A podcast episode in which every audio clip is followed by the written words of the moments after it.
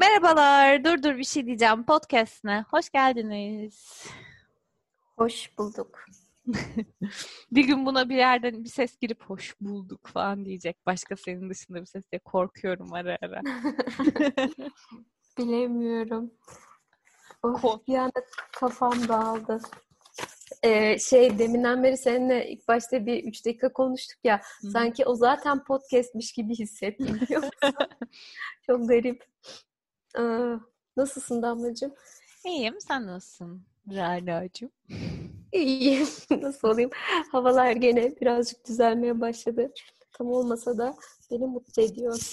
Ya yağmur yağmadığı sürece şu an fena gitmiyor. Bir iki üç gündür yağmurluydu ve içimi sıktı yine. Bunalttı beni. Şu an bugün pırıl pırıl bir hava var. Bayağı keyifli. Evet, karantinadaki günlerde podcast çekmeye devam ediyoruz ve birbirimizi görmeden çekmeye alıştık galiba ya. Evet ama sanırım karantina bittikten sonra da böyle çekeceğiz artık yani. Artık evet. aynı apartmanda oturmadığımız için. Aynen öyle. Biraz da şey yani hayat buna dönüyor ya her anlamda. İlk burada çektiğimiz bölümde de konuşmuştuk. Yayına girmeden önce, kayda girmeden önce de konuşuyorduk falan. Böyle devam edecek gibi görünüyor. Ya işte mesela bugün biri bana şey haberi atmış işte Temmuz'da tiyatrolar açılacak diye. Dedim yani Temmuz'da tiyatrolar açılsa bile kim gidecek Temmuz'da açılan tiyatroya yani. Hani e, birincisi zaten yaz tiyatro sezonu değil. Yani insanlar sıcak havada çok bir tiyatroya gitme alışkanlığı olmuyor. İkincisi insanların ben bir anda eski alışkanlıklarına döneceğini zannetmiyorum hani aşı bulunmadan. Yani evet umarım da dönülmez. Hani e, çünkü dönülmesi demek bir şeylerin tekrar kötüye gitmesine sebep olabileceği için bu anlamda. Ya bir de şeyi bile tam olarak bilmiyoruz ya bağışıklık kazanıyorsun da o bağışıklık ne kadar uzun sürüyor, ne kadar şey bir bağışıklık hani şu ana kadar hastalığa dair pek bir şey bilmediğimiz için hı hı. kocaman bir şey yani. Evet evet yani hiç bilinmediği için kazanılmadığını söyleyenler de var bağışıklığın. Evet. O yüzden bu evdeki günlerde kendimizi nasıl akıllı tutuyoruz? Daha doğrusu nasıl sakin tutuyoruz? Bir podcast bölümümüz vardı. Meditasyon 1 değil mi? O bölümün adı yanlış hatırlamıyorum. Evet. Volume 1 galiba. Volume 1. Ee, orada kendi deneyimlerimizden bahsetmiştik daha çok. Bizim hayatımıza giriş sürecinden. Bugün de e, daha çok bilimsel tarafı mı diyeyim? Ne diyeyim onu bilemedim. Evet, hatırlarsak bilimsel tarafını. Bunu e, iki ay önce araştırdığımız için bilimsel tarafı yani meditasyon mükemmel bir şey. Meditasyonun bence en sıkıntılı tarafı şu. Meditasyonu ben hep spora benzetiyorum. Yapana kadar insanın hep gözünde büyüyor. Hı hı. Hani böyle falan oluyorsun.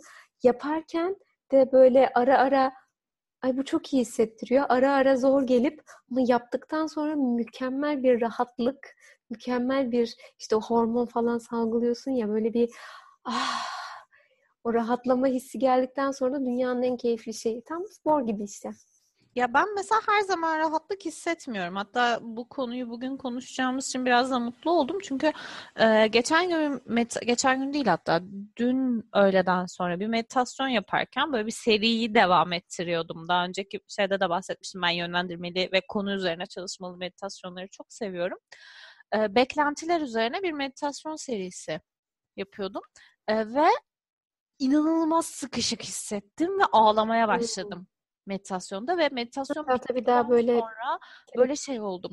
Ee, nasıl diyeyim ağır hissettim. Çok hafiflemiş hissetmedim. Her zaman böyle şey değil ya o bittiğinde ah çok güzel hissediyorum. Ah iyi geldi. Bence o daha süreçte olan bir şey. Ama bir de nasıl bir meditasyon yani ben şu anda düz meditasyondan bahsettim. Hani sadece anda olmaya ve hani sana bir yerlerden işte bir belleğindeki bir şeyle yüzleştiğin bir meditasyon değil de hani düz sadece anda olmaya ve hani düşünme akışını kestiğin meditasyon. Çünkü senin dediğin çok daha fazla işte hani bir şey üzerine çalışıyorsun ya hani o yüzden orada bir şeyleri çıkarmış ve belliğindeki belli acıları ya da işte sıkışmış e, sıkış sıkışmışlıkları çıkarmış olabilir. Ya zaten işte o, orada da terapi gibi oluyor meditasyon bir tarafta. Ya evet bir sürü aşaması var. O yüzden böyle şifacı gibi davranılıyor ya meditasyona. Yani e, bedeninde bir noktayı da iyileştirebildiğin, aklında da, kalbinde de, ruhunda da bir tarafı olan bir şey ama spor benzetmesini ben de çok seviyorum. Bir de şu açıdan da seviyorum. Kaçıyoruz günlük hayatta. Yani ben şu an 40 dakika, 45 dakika spor yapıyorum. E, 45 dakikalık spor için kendimi 4 saat falan ikna ediyorum. Hadi şimdi diye. Meditasyonda da öyle bu ara. Bir saat hadi şimdi yapacağım, hadi şimdi yapacağım. Sonra yaptıktan sonra çok daha iyi geliyor. Bu karantina günlerinde meditasyonu ben çok daha etkili olduğunu düşündüm. Çünkü o anda olma sakinliğini getiriyor bana en azından. Sen, sen yapıyor musun şu ara düzenli olarak? Ben yapıyorum. Ben çok düzenli olduğunu söyleyemem. Çünkü ben günleri karıştırıyorum artık. Hani e, hani bir gün içerisinde bir şey yaptığımı düşünüyorum. Ama ben daha dün yapmıştım diyorum. Üstünden iki gün geçmiş oluyor falan. E, zaman çok hızlı geçtiği için. Ama yapıyorum. Ya genelde spor ve duştan sonra yapmayı çok seviyorum. Hani zaten sporun verdiği bir rahatlamayla bir de üstüne meditasyon. E, ben ama bir ara şeyi çok seviyordum. İşte senin gibi bu yönlendiri yönlendirildiğin meditasyonları çok seviyordum. Bu sıra e, benim Tibetçanım var. Onunla meditasyon yapmayı çok seviyorum. Hani tamamen sessizlik ve hiçbir şey üzerine düşünmemek. Çünkü zaten beynimizde o kadar çok şey oluyor ki bu sıra. Her şeyi düşünüyoruz. Ne olacak, ne bitecek, neredeyiz, ne yapıyoruz. E, o yüzden böyle hiçbir şey düşünmemek bana e, iyi geliyor. Ya Ama bir, çok zor çok zor. Gerçekten çok zor ve hani bugünlerde de böyle e, şey durumu anksiyeteler azdığı için genelde de meditasyon yıllarca psikiyatristler ve psikologlar tarafından önerilmemiş. E, bunu araştırırken onu gördüm. 1900 işte 40'ta bir meditasyon dalgası oluyor dünyada. Tabii o zaman da tam meditasyon değil. E, böyle 60'larda özellikle bu çiçek çocuklar falan filanın hmm, da daha böyle bulunduğu. Evet öyle bir meditasyon döneminde psikiyatrist ve psikologlar aslında bunun ruha iyi gelmediğini filan düşünüyorlar. Çok da tavsiye etmiyorlar. Daha böyle onu mistik, şamanist ve e, kötüledikleri bir yerden nasıl tanımlayacağımı bilemedim şu an görüyorlar. Sonra şu an yeni yeni daha bilimin ve tıbbın içinde bir tedavi yöntemi ve destekleyici olarak kullanılıyor daha çok yeni yani. Ama işte meditasyonun çok farklı e, demin konuştuğumuz gibi alanları olduğu için o o işte transendental dediğimiz gerçekten de ürkütücü ve şey de olabilir yani orada çünkü a yani bir ağıt şey gibi, ayin gibi neredeyse. Ben şeye çok benzetiyorum. Zikir törenleri vardır ya. Evet. Yani zikir de bir medita- meditasyon işte e, Osho'nun belgeselini izleyen insanlar görmüştür. Orada da öyle o tarz meditasyonlar var. Cinselliği meditatif bir taraf olarak kullanan e, meditasyonlarda söz konusu ama yani şu anda herhalde her alanda kullanılıyor. Spor, sağlık, güzellik her konuda kullanılan bir şeye dönüştü meditasyon. Ben biraz da sömürüldüğünü düşünüyorum çağımız insanı tarafından çağımız insanı tarafından ne sömürülmüyor ki? yani birazcık sükse eden, birazcık popülarite kazanan her şey zaten e, son şeyine kadar sömürülüyor. E, ama işte çok da popüler olduğu için işte benim araştırmamda şey çok ilgimi çekti. İşte 2000 dur bulmam lazım. 2014 yılında mı ne? 2012'de pardon da Amerikalıların işte 4.1 meditasyon yaparken 2020'de bu %14'e artmış. Ve bu işte Headspace ve Calm sayesinde o application'lar sayesinde de şey onlar şu anda 1 milyon dolarlık mı ne şeyleri var. değerleri var şeyde bir tane işte bunun Türk versiyonu var ya bir önceki bölümde de bahsettiğim benim Metopya'da. Şimdi altta aynı anda kaç kişinin meditasyon yaptığını görebiliyorsun. Hmm. Şu an açtım 20.229 kişi şu anda meditasyon yapıyor. Mesela bu application üzerinden. Bunun birkaç dil seçeneği varmış.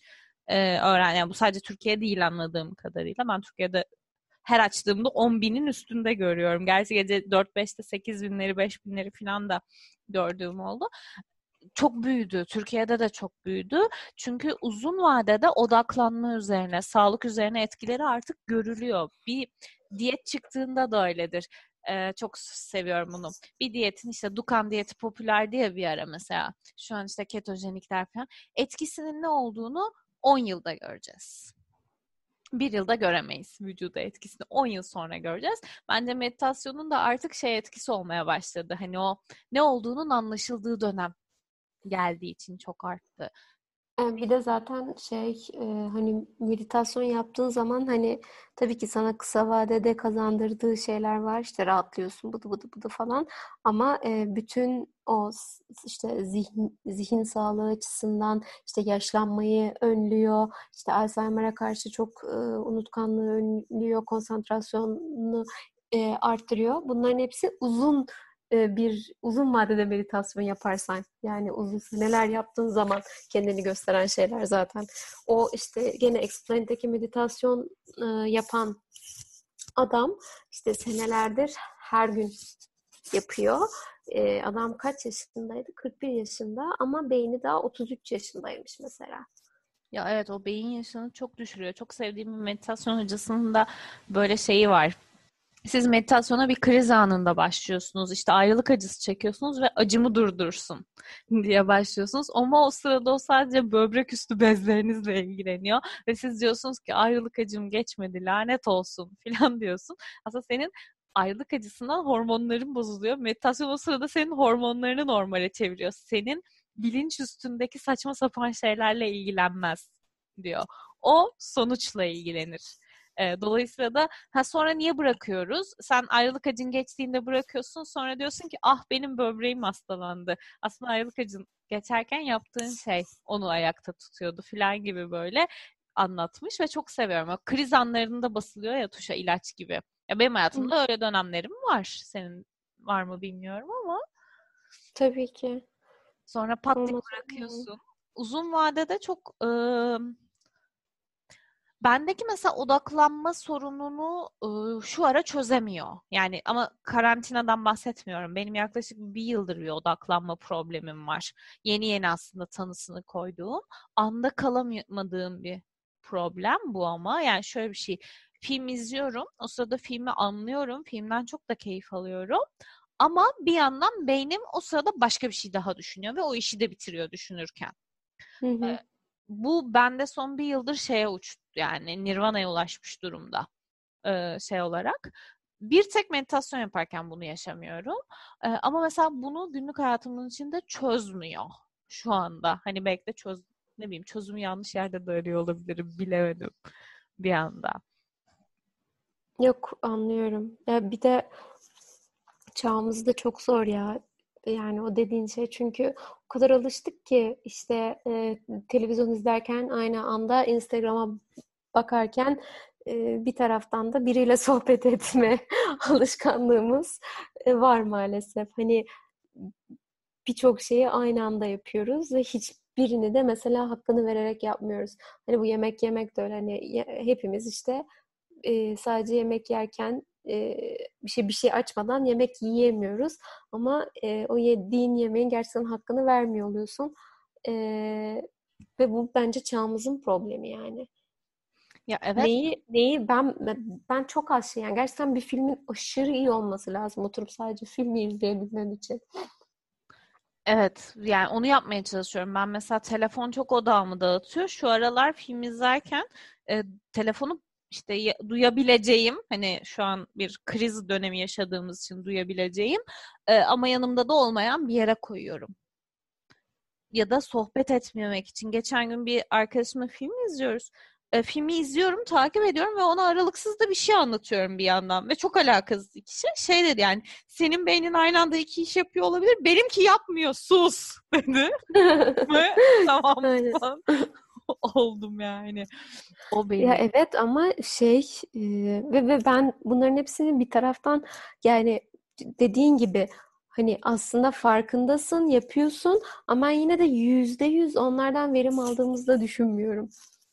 Ha tabii. Yani üç şey aynı anda yaptığın zaman. Mümkün değil zaten. Yani o yüzden daha be- berrak bir zihne ihtiyaç duyuyoruz. Bence o yüzden de e, insan zihninin aşırı bir şeyle dolması da meditasyona olan ilgiyi arttırıyor. Çünkü o yorucu ve o yoruculukta tam kurtaracak bir şey arıyorsun bir tarafıyla da. Şey de benim olmuyor. e, işte çok uzun seneler meditasyon yapan insanların mesela e, acıyla olan yani acıyla olan ilişkisi de çok değişiyormuş. E, yani acıya çok daha dayanıklı oluyorlarmış ve e, bunu şöyle de açıklıyorlar. Yani atıyorum işte ne bileyim elini yakıyorsun. Yani elini yaktığın anda hissettiğin acı ikisinde de aynı, ikisinin de aynı şekilde e, tırmanıyor ama onun öncesindeki e, çektikleri acı e, şeyleri değişik. Ya şimdi tabii elini yakmak biraz bir anda olan bir şey olduğu için çok iyi bir örnek olmamış olur ama mesela hani çocuk doğurma yani doğumu da mesela örnek olarak verebilirsek hani e, çok uzun süre o doğumdan korktuğun için aslında onun acısını çok önceden daha yaşamaya başlıyorsun. E, ve e, daha o asıl doğum sancısı girmeden onun ona çok yakın acılar yaşamaya başlıyorsun. Yani fiziksel olarak da bu acıyı çekiyorsun ama meditasyon yapanlar çok ana konsantre oldukları için gerçekten o acıyı hissedene kadar o acıyı duymuyorlar. Yani onlar yani aslında bu şey de denir ya işte bazı şeylerden korkumuz acıdan daha büyüktür diye. Biraz da e, bence onun da göstergesi. Çünkü onu kafamızda o kadar çok büyütüyoruz ki devamlı o acıyla yaşıyoruz. Ama sadece ana odaklandığın zaman sadece gerçekten yaşadığın anda o acıyı hissediyorsun ve o anda da bitiyor. Bittikten sonra da bitiyor yani.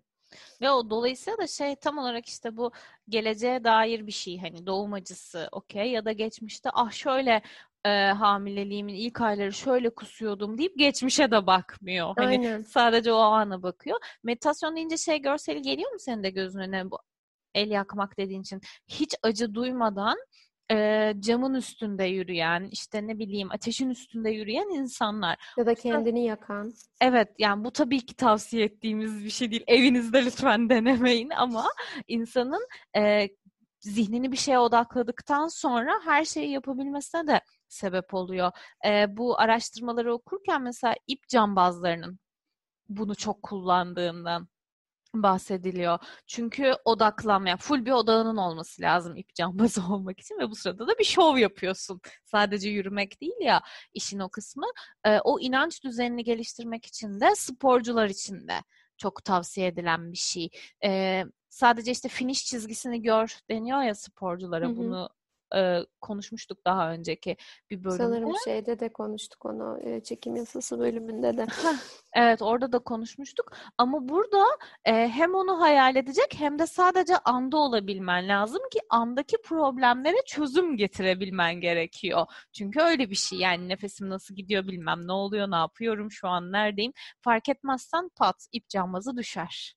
Sadece o anı evet, düşünmek işte, zorunda o hissettiğini bastırmamakla da alakalı. İşte gene Explained belgeselinde adam onu çok tatlı söylüyor. Yani işte sanırım ilk başta aşırı migreni varmış, hmm. işte anksiyetesi varmış ee, ve şunu öğretmiş kendine. İşte bu ağrıyı ya da işte anksiyeteyi duyduğun zaman e, ondan kaçmaktansa a merhaba, merhaba panik duygusu, hı hı. merhaba baş ağrısı deyip e, o duygunun yani o acıyı gerçekten hissetmeye çalışmak. Yani o, o şekilde anda kalmak ve sonra o zaten kendiliğinden e, ağırlığını kaybediyor. Yani senin üzerindeki hükmünü kaybediyor aslında.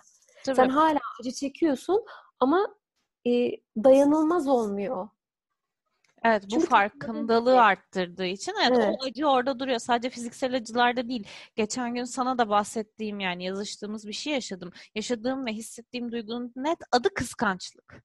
Yani hiç e, şakasız, kibarlaştırmadan kıskançlık. Kıskanıyorum yani. E, bayağı yerinde olmak istiyorum. İmrenmek falan da değil yani e, bu durumda. E, ve sadece o sırada meditasyon yaparken kendime şunu söylüyorum. Bu kıskançlık, bu damla duygum değilim ama bunun farkındayım. Ve onu fark edebilme noktasına da getiriyor. İşte baş ağrısı, işte ne bileyim anksiyete, korku, kıskançlık, öfke, işte sevgi çünkü sadece kötü şeyler değil, iyi şeyleri de fark etmem ve sadece iyilikten de oluşmadığını görmek için. Ama o ayrımı ben en çok meditasyon sırasında öğrendim. Bu değilim durumunu. Evet, evet, evet. Bunu ilkinde konuşmuştuk zaten. Hani sen düşüncelerinden çok daha fazlasısın. İşte duygularından çok daha fazlasısın. Bedeninden fazlasısın. Bu kelime fazlasısın. diye. Ya bir yandan da tabii bu işin e, işte bilimsel daha rakamsal daha araştırma olan kısmında konuştuğumuzda meditasyon yapan insanların yaşama süreleri ve yaşama kaliteleri artıyor. E, mutluluk düzeyleri artıyor falan. Çok ilginç. İş hayatında da e, başarıları artıyor. Bu sanki meditasyonu böyle kullanmamamız gerekiyormuş gibi bir şey var ya meditasyon yapan insanların yüzde 25 iş verimliliklerinin ve iş başarılarının arttığı söyleniyor. Sadece Zaten bu. Konsantrasyon yani en basitinden çok daha iyi konsantre olabiliyorlar. Dağılmıyorlar. Tabii. Yani bir yandan da işte o odaklanma problemi, Hı-hı. hayatı planlama süreci. Çünkü gerçekten sürekli bir e, tetikleyici içindeyiz hayatın her anında. Ve yani işte bu sakatlıktan iyileşen ya da hastalıklarını iyileştiren insanlar e, konuşmuştuk da daha önce. E, bu, bu tarafı beni çok etkiliyor açıkçası. Meditatif şeylerin bu sağlık tarafı beni çok etkiliyor. Çünkü sağlık hep e, çok da tıp kötülemek istemiyorum ama tıbbi bir yolla çözülebilirmiş gibi geliyor ama bildiğim astım hastalığını yenen çok yakından tanıdığım insanlar var. Uzun süre astım, nefes terapileri, işte meditatif şeyler sonunda astım krizi yaşamayan çok insan tanıyorum. Her şeyin çözümü Böyle mucizevi bir şey gibi anlattım. Şu an kendimden sıkıldım cümlemin sonunda. Yok ama şey çok doğru yani bunun bunu şeyde çekim yasasında da konuştuk. Hani kanseri bu şekilde yenen insanlar var. Hani e, ameliyat e, işte tüm tümörleri var. Üç ay sonra ameliyat olacaklar ve sonra e, bir açıyorlar tümör kalmamış ortada falan gibi böyle acayip hikayelerde duyuyoruz. E, duymuyor değiliz ama e, şey dediğin şey zaten o e, monkey mind dedikleri hani hı hı. beynin içinde bir e, pazar yeri yani o kadar çok e, şey var ki bir sürü renkler, ışıklar, sesler ve koskocaman bir kaos, bir karmaşanın içindesin ve orada bir şeye odaklanmak ya da e, herhangi bir şeyin farkında olmak çok zor. E, çünkü bunu da çok konuştuk. Orada sen düşüncelerine hakim değilsin, düşüncelerin sana hakim. Hı hı. Ve düşüncelerini kontrol edemiyorsun. Yani e, o kadar çok şey düşünüyorsun ki ve biz ne kadar çok e, ne düşündüğümüzün farkındayız. Gün içerisinde ne kadar ne düşündüğünün farkındasın. E, ve işte o meditasyon sana şunu öğretiyor. Bir dur. Ben ne düşünüyorum? Bu düşünce doğru mu? Hı-hı. E sonra hiçbir şey düşünmediğin zaman zaten beynin bir oh diyor. Yani aslında o beynine bir pause tuşu gibi bir şey yani. Ve sonra da bunu yapmaya başladıktan sonra da ne düşündüğüne de çok daha fazla dikkat ediyorsun. Ya bu sefer sen düşüncelerini hükmetmeye başlıyorsun yani. Evet yani bir de bu işte düşüncelerin ağırlığı var. Yani vücut e, bir enerji kütlesi ya komple baktığında işte aynı anda sindirim, solunum falan filan her şeyi yapan ve bir yandan da düşünen, düşünürken de enerji harcayan ve sen işte sen düşüncelerine hükmedebilmek için meditasyon yapıyorsun ve bu sırada da işte az önce söylediğin o e, zihin yaşı çok m, daha aşağıdaymış işte 41'miş 33'müş falan filan diye konuştuk ya mesela bu noktada. Bunun en garip etkilerinden biri sen düşüncelerine yaptığında kabızlık ve sindirim problemi çekmiyorsun. Çok ilginç. Hı, doğru tabii. Çünkü Ama vücut yani... o sırada ona enerji buluyor. Senin düşünce bulutunla uğraşmak yerine diyor ki bir dakika abi benim sindirmem gereken besinler var. Normale getirmem gereken bir nabız var. DNA'yı iyileştirmem lazım. Bir dakika benim şu anda metabolik olarak yapmam gereken işler var. Çok ilginç. Zihne fazla önem veren bir fizyolojimiz var ve dolayısıyla da e, fizyolojik olan problemleri de böylelikle çözebiliyorsun. Böyle win-win durumu gerçekten.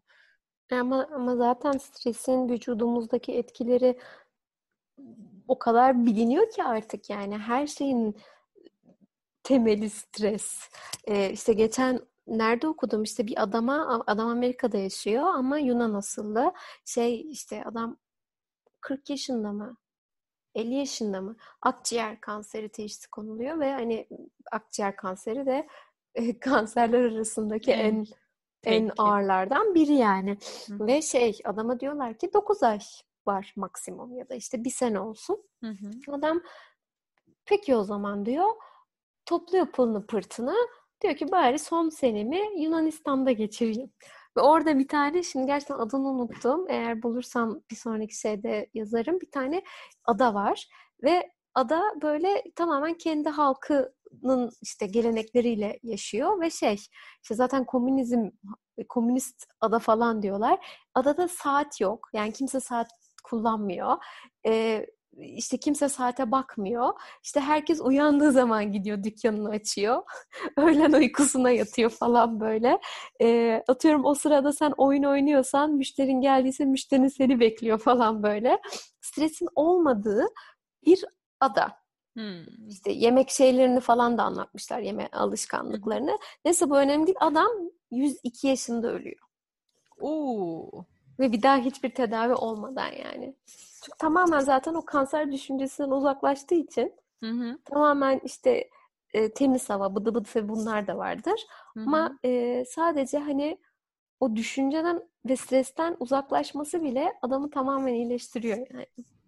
Ya o zaten çok net bir benim sen anlatırken aklıma geldi. Bir arkadaşım geçirdiği bir trafik kazası sebebiyle e, koku alma duyusunu kaybetmişti hiçbir şekilde koku alamıyordu. O bir bölge var ya koku ayrı bir merkezden geliyor. Ameliyat sırasında kazadan sonra o bölge e, zedelendi ve bunu kabul etmiş biridir. Yani çok uzun yıllardır yani bahsettiğim bir 10 küsür yıllık bir koku almama durumundan bahsediyorum.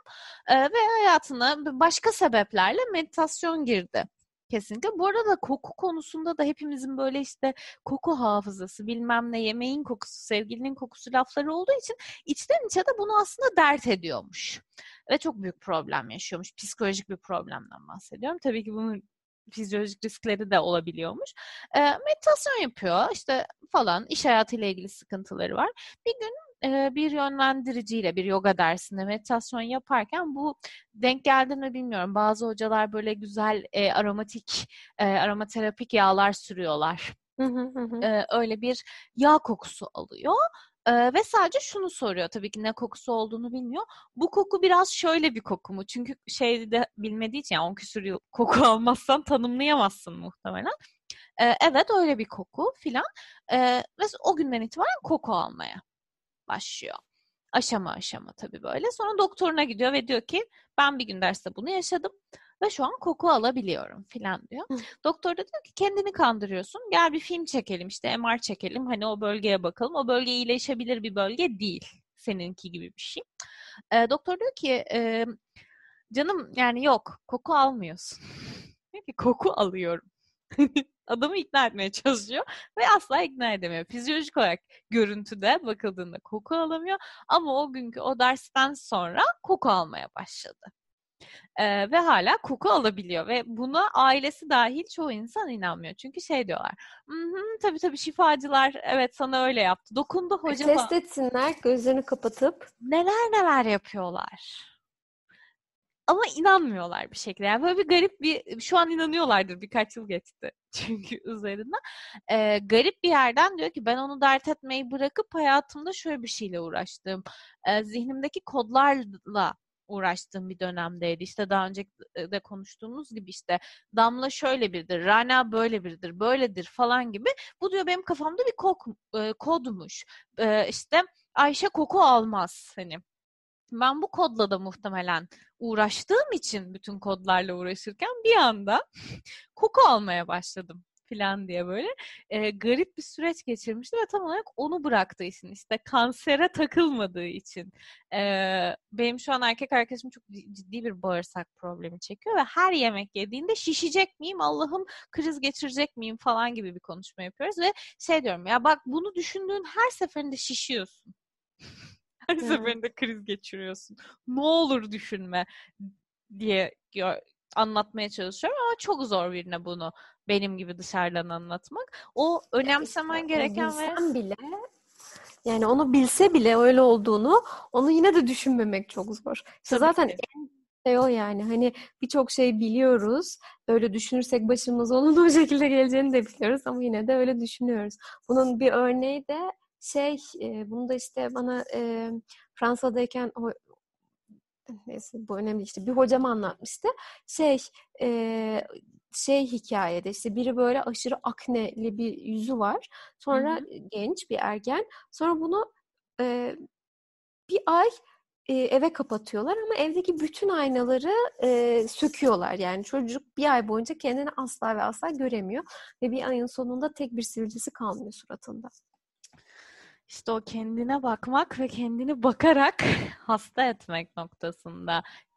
Of, çok çok garip bir şey. Yani insan zihninin bu kadar tahmin edilemez çalışmasında kendine bir şey yapması gerekiyor yani. Yine bence ilk bölüme yakın bir bölüm oldu bu bölümde. Hani şey olarak daha örnekli bir bölüm oldu kendimizden evet. çıkarak evet. daha dünyadan verdiğimiz örnek. Çok güzel mesajlar da geliyor bize. Ben şeyi de soracağım ya böyle ben başkalarının hikayesini okumayı çok seviyorum. Hani bize anlatın başka bir meditasyon. Biz nasıl olsa buralara dönüyoruz. Bölümü çekmesek de mutlaka bunlardan bahsederken isim vermeden o anıları, o şeyleri anlatalım. O evet, hikayeleri de. Ya bir de dışarıdan görüldüğünde de meditasyonla ilgili çok komik şeyler var. Senin de başına geldi bilmiyorum. Ee, bir gün meditasyon yaparken e, o zaman yalnız yaşamıyordum. E, çok ev arkadaşım da değil onu söyleyeyim çünkü dinliyor bölümleri. E, bir, biri böyle şey dedi evde bir misafirimiz. E, Damla bir dakika ben bu çayı koyamadım. Çayı koyup sonra devam etsen olur mu falan diye böyle. E, hiç tepki vermedim. Anlayacağını düşündüm karşımdakilerin tepki vermedi. Gelip böyle kolumdan falan dürtüp beni e, çay koymama yardım eder misin falan dedi. Böyle ve şey oldum. Ha falan sonra işte, e, tamam sen sen meditasyonuna devam et şimdi falan diye böyle. Hani halkımız tarafından da çok garip algılanıyor durum. böyle de Muhtemelen garip. orta yaş bunu yapan. Tabii tabii. Düşünüyorum tam, tam orta yaşlı hareketi. Ee, demek söylediğine bir şey söylemek istiyorum. Hani işte zihnimizin bu kadar güçlü e, oluyor olması ve aslında her şey bir şekilde kendi düşüncelerimiz ya da hislerimiz, korkularımız, beklentilerimizle yaratıyor olmamız mesela benim üzerimde aşırı bir yük de veriyor. Çünkü her şeyin kaynağı ben olduğum için e, kötü her şeyin de kaynağı benim Hı. ve yapamadığım zaman, pozitif düşünemediğim zaman ya da işte e, bir şeyden çok korkup o başıma geldiği zaman işte biliyordum böyle oldu, olacağını demek ya da işte bir kötü düşündüğüm için ay şimdi kesin bu böyle olacak demek de beni beni beni çok yoruyor bazen. Şeyi okumuş muydun sen ustalık gerektirmeyen kafaya takmama sanatı? Kırmızı bir kitap mutlaka oku. Tam olarak bunu anlatıyor. Tam olarak pozitif düşünmem lazım. Her şey benim sorumluluğumda. İyinin kötünün sorumluluğunu ben alıyorum noktasında. Böyle buna ayrı bir başlıkla bir bölüm önereceğim sana o yüzden e, şu an oraya girmeyeceğim ama sana o kitabı mutlaka tavsiye ediyorum. Ben de senin gibi yaşıyordum ve son bir 4-5 gündür bu kitabı okuyorum e, ve o kadar iyi geldi ki. Yani kendimize e, her şeyin sorumluluğu benim diyerek nasıl bir sorumluluk yüklediğimizi ve aslında kendimizi onun altında nasıl e, ezdiğimizi anlatıyor. Her şey bakış açısı. Şöyle bir örnek vereyim.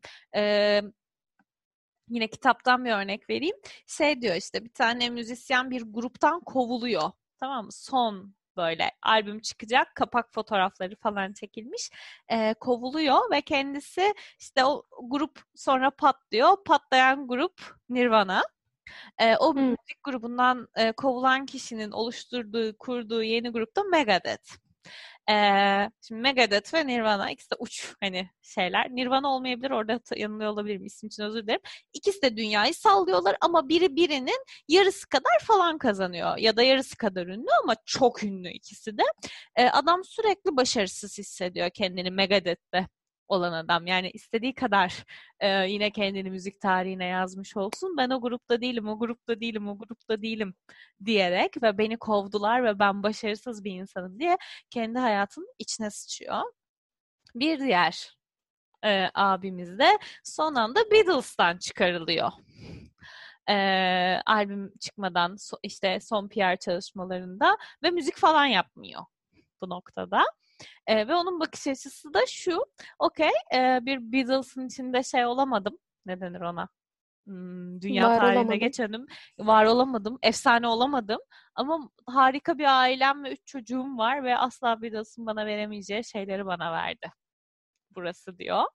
E, bu hayat diyor. Şimdi iki tane hayat biçimi var diyor. Hı hı. Yaptıkları tercihlerle mi? Hayır öbürü de müzisyen olmak istedi, çabaladı. Öbürü de bambaşka bir müzik grubu kurdu ve aşırı başarılı oldu. Nirvana değil Metallica. Hı, şimdi hatırladım. Ee, ve hani e, sen Megadeth'i kuruyorsun, buraya geliyorsun ve insan hala kendini ne kadar nasıl başarısız hissedebilir ve kendini o noktada kıyaslamak ve kendini dövmek falan filan bunun üzerine inanılmaz tatlı bir kitap ve bu tam anlattığın, kurduğun cümlelere çok güzel şeyler söylüyor. O yüzden de bu meditasyonun şey tarafını çok seviyorum. Her şeyin sorumluluğu bende ve kendi düşüncelerimi temizlemeliyim tarafını. Ama e, bu sorumluluk kısmı da yorucu geliyor. Evet, aynen. Ve hani başkalarını anlamayı da kolaylaştırdığını düşünüyorum ben e, meditasyon yapmanın. Çünkü başkalarını dinleme şeyin artıyor. E, onun zaten istati yani şey de var. E, empati yani beyindeki empati yerleri yüzde yüzde yedi yüz aktifleşiyor. Hı hı. Oha. Yüzde yedi yüz aktifleşiyor evet. Empati Korkunç. yetisi evet. Ama bu da tabii uzun vadeli bir meditasyon. Yani bir kere yaptım bir anda empati. Herkesi anlıyorsun bir dünya barışçısı olmuyorsun tabii ki de. Yani uzun vadede e, empati e, yani beyindeki empati yerleri yüzde yüz aktifleşiyormuş. Yep. Aa, bayağı işte duyu organların gelişiyor, vücudun normal seviyede çalışıyor, odaklanman artıyor. Hormon evet, daha keyifli bir yaş hayat yaşıyorsun. Çünkü yediğin, içtiğin, gördüğünü farkındalıkla yaptığın için de e, yaşadığının farkında oluyorsun. İşte bence karantinada o yüzden de bu kadar hızlı geçiyor. Çünkü bazen şeyi unutuyoruz. Yani ne yaptığımızı farkındalıkla yapmayı unutuyoruz. Her gün birbirine benziyor ve günleri böyle geçiştirmeye başladık. E, ama böyle e, işte ne bileyim her şeyi bir farkındalıkla yapsan aldığın nefesi, e, dokunduğun ne bunlar böyle çok pembe sıçma ve ponçik şeyler geliyor kulağa ama yani bir hayatımız var. Onu da e, olabildiğince güzel yaşamamız gerekiyor ama işte yani var olduğun şartları daha iyi analiz etmeni sağlıyor. Yani bence karantinadaki en büyük problem odaklandığın nokta dışarı çıkamamak ve hastalık ve yor o kısımsa ev eziyet. Çok net eziyet. Yani şöyle benim bir şey. için boşluk ya. İşte benim için de şimdi ben son bir haftadır şükürler olsun çalışıyorum evden çalışmanın çeşitli yollarını bulmak durumunda kaldım. Çünkü hani en erken biten ve e, bir önceki bölümde de söylemiştim. Galiba bunu en hızlı geri dönmek zorunda kalan sektör bizim sektör. Tiyatro ve sinema değilse de ben eğitmenlik yapıyorum ya o sektör geri döndü. Ders veriyorum. Bir an kendimi şöyle buldum biliyor musun? O kadar o boşluğa ve şeye alışmışım ki yaptığım birkaç ders, birkaç görüşme, toplantı bana bir anda öf günlük düzenimi bozdular dedirtti. Ya yani bir an bunu derken kendimi yakaladım ve o an şunu söyledim. Oo, insanın alışabilmesi ne kadar ilginç. Yani hiçbir Tabii. şeyimin planlı olmaması, hiçbir planımın olmamasına o kadar alışmışım ki işte belirli saatlerde bir şey yapmak, biriyle mesajlaşıp işte ikide görüşelim, üçte arayayım seni falan demek şey geldi bir an. Yük geldi. Ama ben o saatte onu yapmak istersem ne olacak? Dallama derler adama. Çalışıyorsun otur şükret. Ama işte o hemen alışmak ve hemen o şeyi Yok işte şey ben de zaten hani karantinaya girdiğimden beri e, az da olsa çalışıyorum ama e, ama şey şey boşluğu bana garip geliyor. Bir daha ne zaman Almanya'ya gideceğimi bilmiyorum. Okulların ne zaman açılacağını bilmiyorum. Tiyatro hani açılsa bile bazı şeyler ne zaman hani o bilinmezlik boşluğu daha Hı-hı. çok. Ama e, çok güzel işte geçen gün çok sevdiğim ha, Nazan da konuştum. Nazan da konuğumuz olduğu için e, dinleyicilerimiz biliyor. E, Nazan şunu söyledi işte bende de en baştan beri çok okeyim ve hiç şey olmadım. Çünkü benim şu anda etki edebileceğim bir şey değil. Benim elimde olan bir durum değil. E, herkes aynı durumda. E, o zaman oturup bunun tadını çıkaracaksın. Çünkü şu anda gerçekliğim bu, koşulum bu. Okey. Ve aynen e, onu yapmaya çalışıyorum ben de. Şu anda koşulum bu, durumum bu. Okey. Bunun tadını çıkarmaya çalışıyorum gibi e, gene ama bunu işte galiba karantinayı konuştuğumuz zamanda da konuştuk. Bir gün bunu çok güzel yapabiliyorsun. Diğer gün bunu yapamıyorsun. O yüzden biraz e, her şeyde izin vermek gerekiyor. Kaç dakika oldu Damli? Ben dakika göremiyorum burada kayıtta. Ben de göremiyorum. Çok ilginç. Dakika göstermiyor bu Zoom kayıtta. Hayatımın şu an e, üçte biri falan Zoom'da geçiyor. Çözemediğim birkaç şeyden biri bu. Zoom'daki kayıt süresi. O zaman sen daha bir şey eklemek istiyorsan se- sendeyiz Damlacığım. Ya konuk konuk değil tabii. Sizin istediğiniz konukları nereden bulalım? Ee, konu önerisi isteyeceğim. Evet bizim birkaç tane yayından önce de konuştuğumuz konuklu e, şey vardı ve konuksuz da birkaç fikir vardı daha önceden konuştuğumuz ama ne konuşalım? Çünkü ne konuşursak konuşalım illa bir karantinaya ve Covid-19'a dönüyoruz ama ne konuşalım? Neleri seviyorsunuz? Nelerden keyif alıyorsunuz? Onu soralım bence herkese. Başka da bir şey. O zaman müziği açıyorum. Müziği açmak için önce diyorum ve ama çok özür dileyerek Dur dur bir şey diyeceğim.